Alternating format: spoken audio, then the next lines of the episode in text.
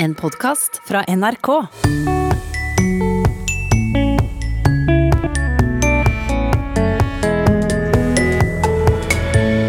En dose latin står på timeplanen i Språkteigen i dag. Nomina si nescis perit et cognitio rerum. Sitatet er fra Carl von Linné. Hva det betyr, får du vite straks. Og vi tar en smak på julebaksten i dag. Eller i alle fall en smak på sjølve ordet. Hvis vi hadde intervjuet bakende damer, særlig tidlig på 1900-tallet, og brukt ordet julebakst, så ville de ikke helt forstått hva de snakket om.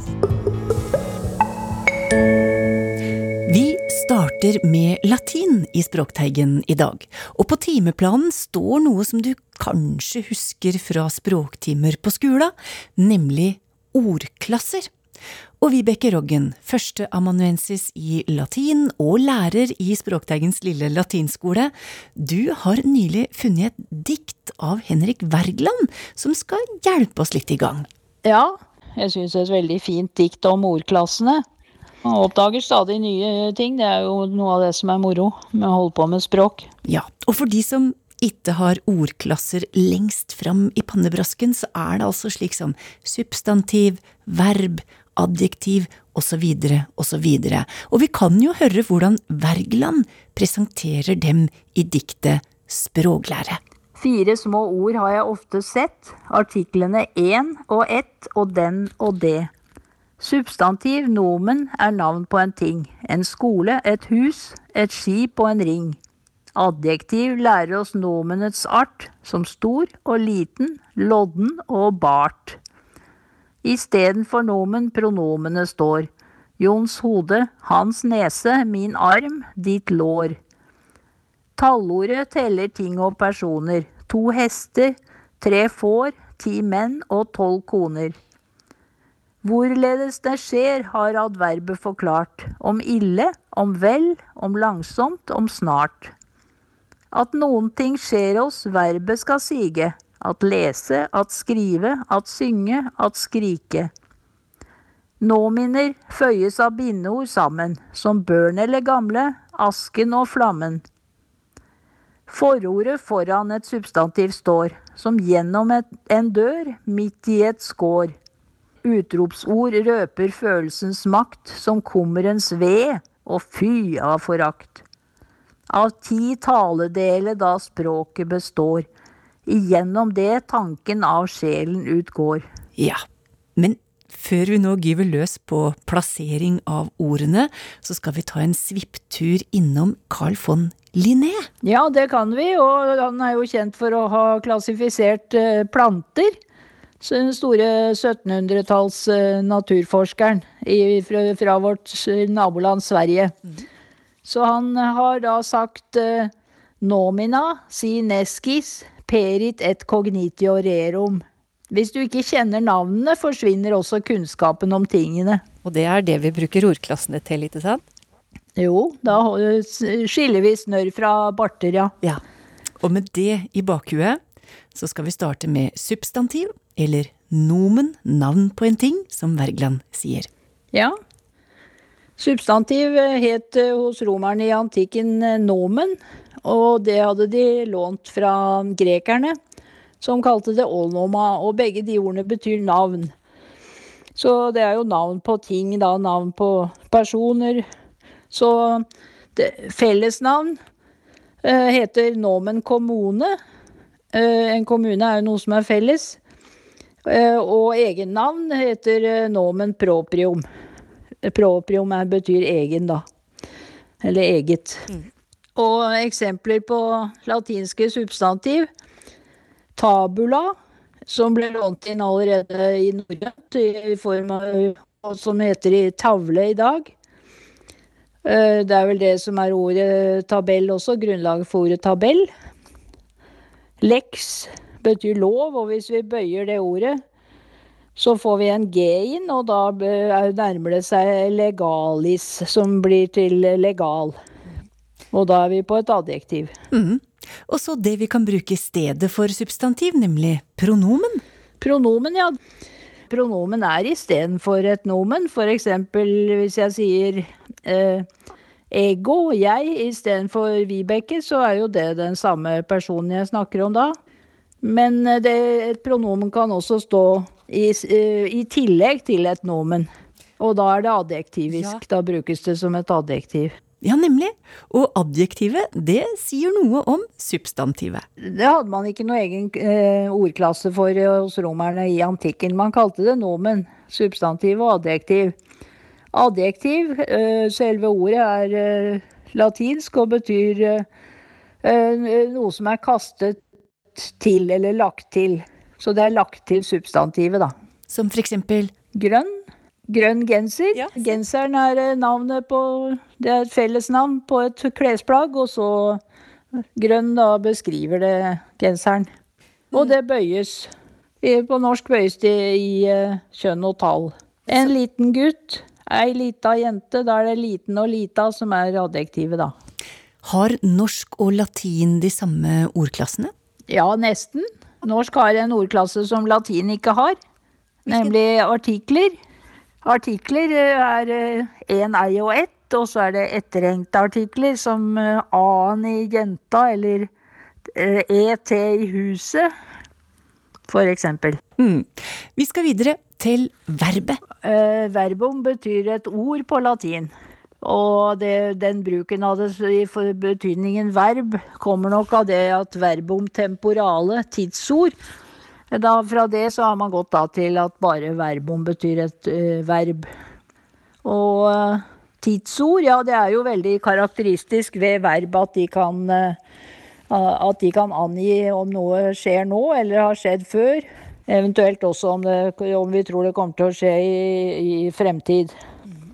Noen eksempler på, på latinske verb. Skribere, som er blitt til skrive. Det er infinitivformen. Eh, skriptos, noe som er skrevet og er blitt til ordet skrift. Det var verbet, men hvorledes det skjer, har adverbet forklart. Adverb, det betyr jo da til verbet. For adverb kan stå til verb, men det kan også stå til andre ordklasser. For eksempel eh, adjektiv eller et annet adverb. Hesten løper fort. Der står fort til løper, for det beskriver måten hesten løper på. Så kan vi ha hesten løper veldig fort. Og da er ve- ve- veldig et annet adverb som eh, beskriver fort igjen. Så da står det da til et adverb. Og så har vi kommet til bindeordene, det vil si de to vanskelige ordene konjunksjoner og subjunksjoner. Hohoi. Det er vanskelig, Vibeke. Er det det? Ja. Nei da. Konjunksjon, det er noe som binder sammen. Kon er sammen. Eh, hovedbetydningen av kon. Prefikset kon på latin. Og sub, ok, vi har jo hørt real of submarine, og den er jo under havet, ikke sant? Sub. Subkulturer òg. Så den, eh, eh, en subjunksjon, den underordner, og en konjunksjon, den samordner.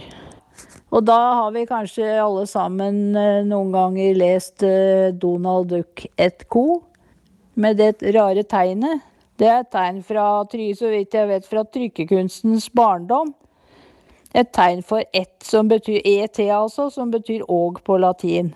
Og det binder sammen. Så der er Donald på samme linje som kompaniet sitt. Mikke og onkel Skrue og sånn. ja. Så hopper vi litt lett over tallordene og går til det Wergeland kalte forord, men som vi kjenner som preposisjoner. Ja, og selve ordet posisjon har vi jo eh, i andre sammenhenger på norsk også, og komposisjon og apposisjon og sånn. Posisjon betyr plassering. Eh, og preposisjon er plassering foran. Så preposisjonen står foran det ordet eller den frasen det styrer. Så jeg har noen eksempler på latin. Ad fontes, til kildene. Det var et eh, slagord i renessansen. Eh, ad hoc, til dette, betyr det.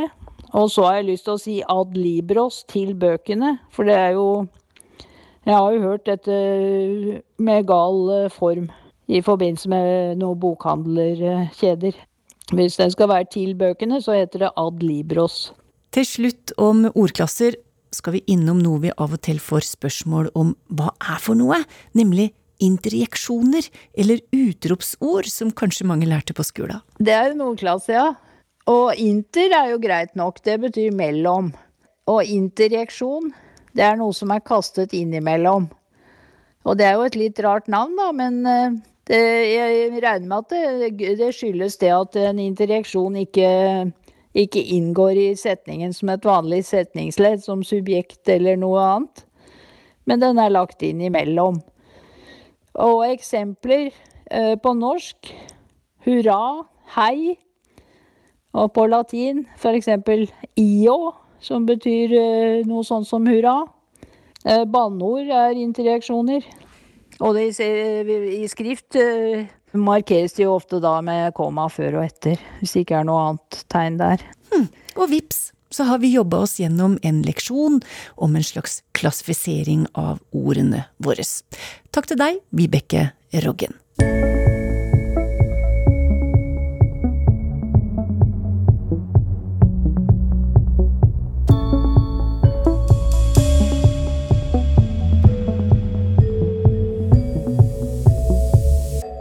Nå skal vi prate om Knut, hva er det du driver med? Du, jeg kunne ikke dy meg. Jeg er nødt til å se hva du har bakt for noe til oss til jul. Litt imponert over kakebaksten min. Ja, det her, dette ser bra ut. Du har flere sorter. Du er en liten kakemons, altså. Å ja, men det er det jo lov å være til jul. Og ellers i året òg, kanskje. Ja, Men eh, jeg må minne deg om at dette her er et språkprogram. Ja, jeg skal sette fram med kakeboksen. Men vi kan godt snakke om julebakst. For visste du at dersom du skrur tida tilbake drøyt 100 år, så ville kanskje ingen skjønt deg om du sa julebakst. Det forteller nemlig konservator Geir Thomas Risåsen ved Norsk Folkemuseum. Ja, og det er, jo, det er, jo, egentlig ganske interessant. For jeg tror at hvis vi hadde intervjuet bakende damer, særlig tidlig på 1900-tallet, og brukt ordet julebakst, så ville de ikke helt forstått hva vi snakket om. For, eh, for dem så var det kaker som var brukt til høytid og fest året igjennom. Og en dyktig husmor eller tjenestejente rundt 1900 kunne jo eh, tilberede kanskje 12-20 kakesorter til jul, fordi at det var en viktig høytid. Og det er jo først da utover på 1920-30-tallet at man begynner å nedskalere. At man da ender opp med de magiske sju sortene. Og det er jo da at det blir sju, har nok sammenheng med at jula er i kristen høytid, og at tallet sju går igjen i Bibelen, bl.a. ved at Gud skaper verden på seks dager og hviler på den sjuende. At man i gamle Egypt hadde da de sju feite og de sju magre åra, jødene med den sjuarmede lysstaken. Så når vi baker sju slag og syns at det er mye, så skal vi huske på at det er faktisk en nedskalering i forhold til det som var rundt 1900. Og det er klart at det med mange kakesorter til jul er jo også en måte å vise hvor flink du er i huset når høytida kommer. Mm. Og selvfølgelig noe som også er til veldig stor glede for oss som da skal smake på det her, og glede oss over det.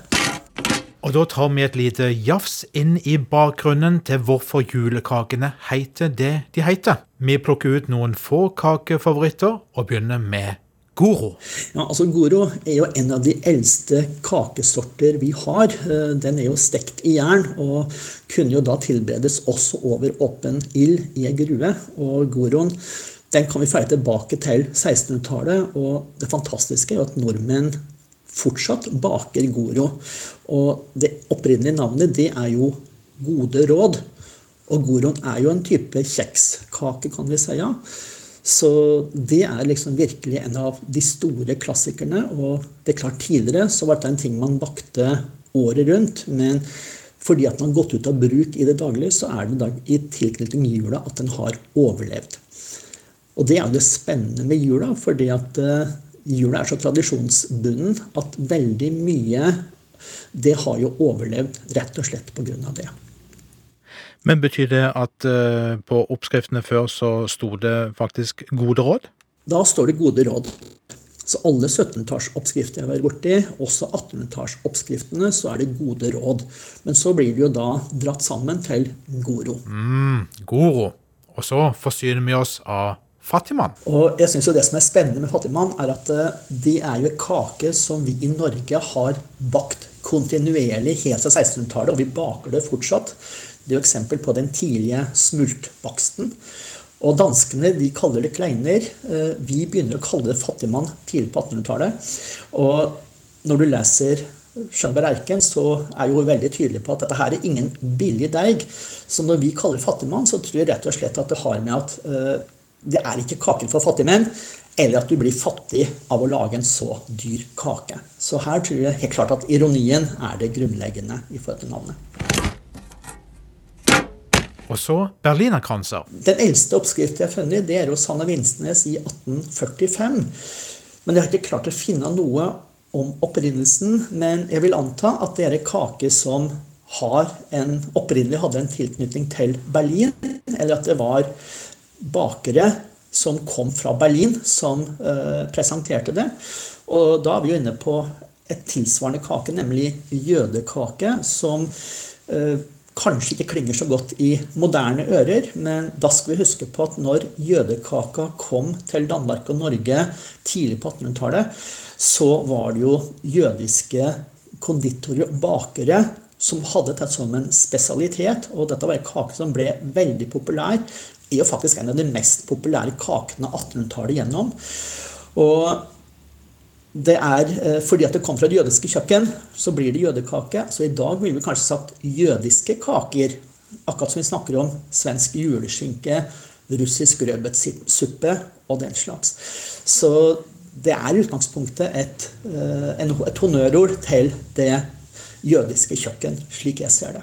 Den siste godbiten vi tar med her, det er smultringen. Hågen Lignes har jo funnet ut at eh, de første, altså at det var, norsk, var hjemvendte norskamerikanere som hadde med seg oppskrifta fra USA da rundt 1900.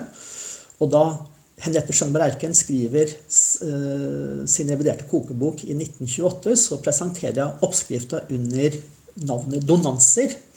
Og det er først i 1948 at du begynner å bruke ordet smultring. Så opprinnelsen her er jo de amerikanske donuts. Men så har vi jo den, vi si, den gamle norske varianten, og det er jo det vi kaller hjortetak. Og forskjellen på hjortetak og smultring er jo at smultringen har jo en mykere konsistens, mens hjortetaket har en sprøere konsistens. Og gjerne får tre hakk i ringen, eh, derav navnet. Og fordi at vi bruker hjortetakksalt i oppskrifta. Så hjortetak er den gamle norske. Smultringen er faktisk den amerikanske nykommeren på 1900-tallet. Mm. Og det er spennende. Så da er det bare å nyte, for det har vi lange tradisjoner for. Altså, det å bake til jul, det har vi gjort til alle tider. Akkurat som vi har bakt til andre høytider og til fest generelt, enten det har vært bryllup eller begravelse.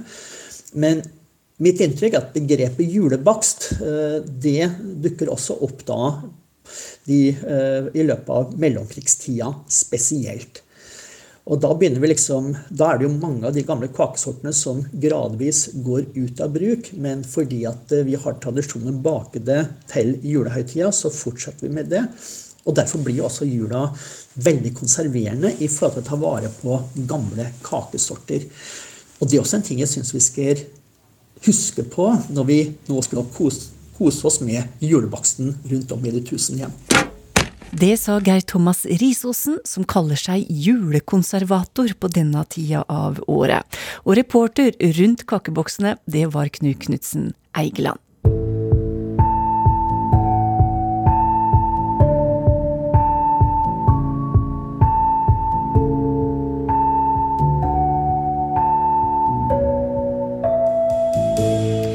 Vi slutter Språkteigen med lytterspørsmål i dag òg, og det er Toril Oppsal som er med for å gi svar.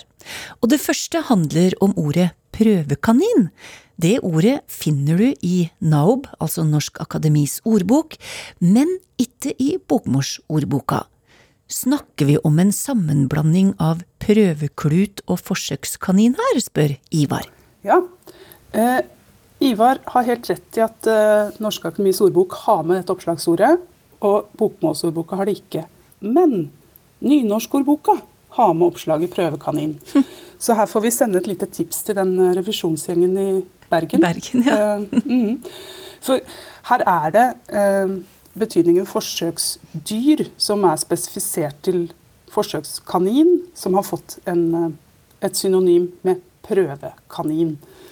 Altså et dyr, mer bestemt en kanin, som man tester ut stoffer eller medisiner på, gjerne. Det er en guffen affære, akkurat det der. Men uh, prøvekanin brukes, etter det jeg kan se, i hvert fall oftere og oftere synonymt med forsøkskanin.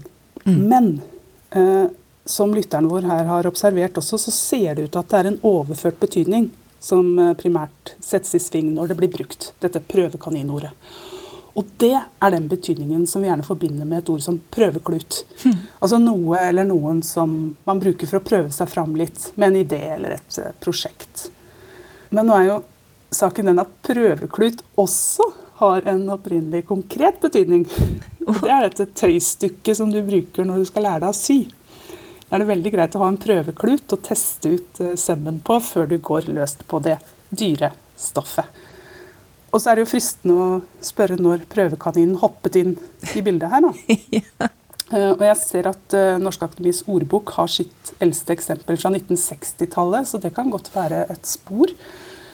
Uh, norsk ordbok sitt eksempel på overført bruk er fra 2000-tallet, mens konkret bruk ikke er kildebelagt. og Det tyder ofte på at ordet regnes som allment i bruk. Og jeg finner det i en tysk-norsk ordbok fra tidlig 1930-tall. Eh, så prøvekaninen har nok hoppet rundt en stund. Men i og med at det er den overførte betydningen som, som ser ut til å være mest uh, utbredt, uh, så, så, skjønner jeg veldig godt at man stusser litt her og, og lurer på om, hvor, hvor, det ble av forsøksdyret oppi det hele. Carl Graff Hartmann har skrevet til oss om et ord han har funnet i ei reisedagbok av den danske maleren Martinus Rørby. Der står setningen Jeg tilbrakte denne aften hos forvalteren, hvis kone jeg ikke kan rose for proprietet. Ordet proprietet har så vidt han vet med eiendomsrett å gjøre, så hvorfor dukker det opp her? Er det noe han sier for å kritisere kona, eller avstår han fra å rose kona fordi det kunne oppfattes som usømmelig? Eller hvordan skal vi egentlig forstå denne setningen, spør han. Ja, eh, Carl Graff Hartmann har jo skrevet Det er en utrolig spennende fortelling. fordi eh, Vi kan også legge til at han, han, forteller at dette her er vel en fjern slektning, har han funnet ut. Ja. Eh, så, så, svaret på dette spørsmålet kan ha noe å ja, det, det, er noe de kan snakke om i juleselskapet, ja. Eh, avslutter han med. Så, så, vi må jo prøve å finne noe som gjør juleselskapet hyggelig. Ja. Um, og det er helt riktig at proprietet, eh, det ordet, det, det, det betyr i utgangspunktet eiendom eller eiendomsrett. Uh, og hvis vi graver i litt eldre danske kilder, så ser vi også at ordet har en annen betydning. En særegenhet, eller en særlig beskaffenhet.